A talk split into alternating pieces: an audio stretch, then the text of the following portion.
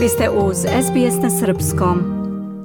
Pod sloganom savršene različitosti, jedan od najznačajnijih evropskih festivala umetničke igre, Beogradski festival igre, biće održan od 7. marta do 10. aprila uz učešće 19 kompanija iz 14 zemalja pa iz Australije sa preko 30 koreografskih postavki u Beogradu i Novom Sadu najavili su organizatori.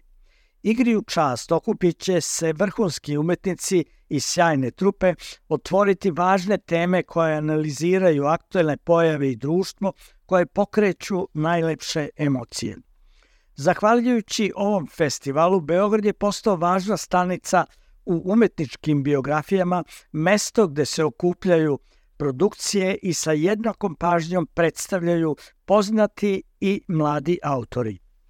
Aktuelnost programa odredila je poziciju manifestacije na međunarodnoj mapi, dok visoki standardi i hrabro uvođenje novih koreografskih rukopisa i estetike unapređuju očekivanja i trendove. Predstavljajući igru kroz njene vrhunske domete, festival je osvojio svoju publiku. Sidnejska kompanija igre gostovaće 5. i 6. aprila na sceni Narodnog pozorišta u Beogradu u okviru 21. festivala igre.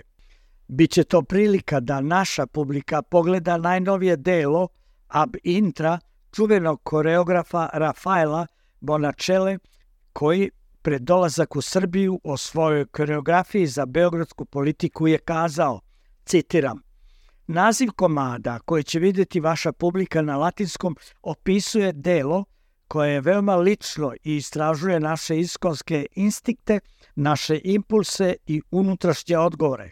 To je žestoko fizičko i emocionalno delo s moćnom originalnom partiturom Nika Velsa, koje spaja zvuk violončela sa ambientalnom elektronikom. Još tokom rano kreativnog procesa za ovaj komad preuzeo sam neke umetničke rizike.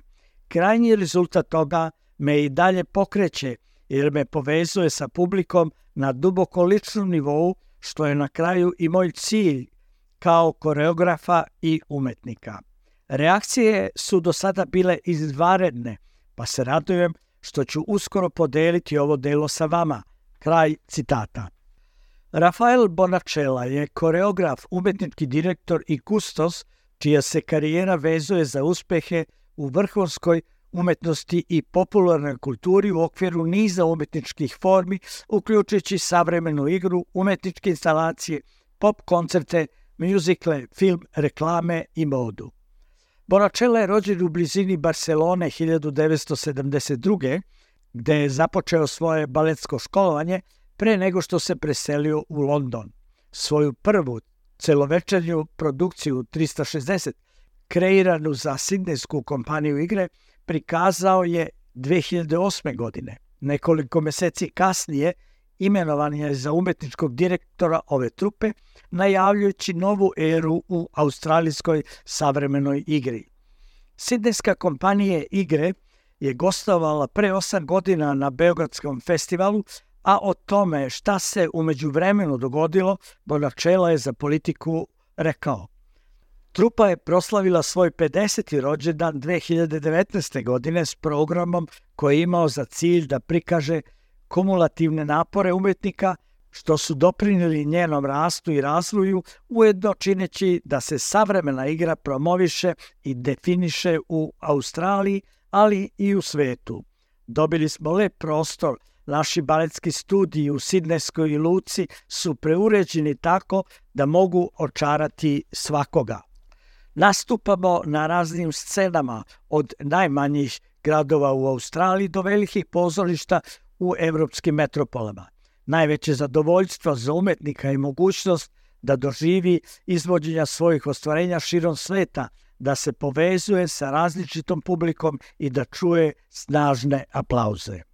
Inače, od osnivanja Beogradskog festivala igre predstavljeno je preko 500 koreografskih radova, dok svake godine programe u proseku prati 20.000 gledalaca i 100 akreditovanih novinara iz Srbije i inostranstva.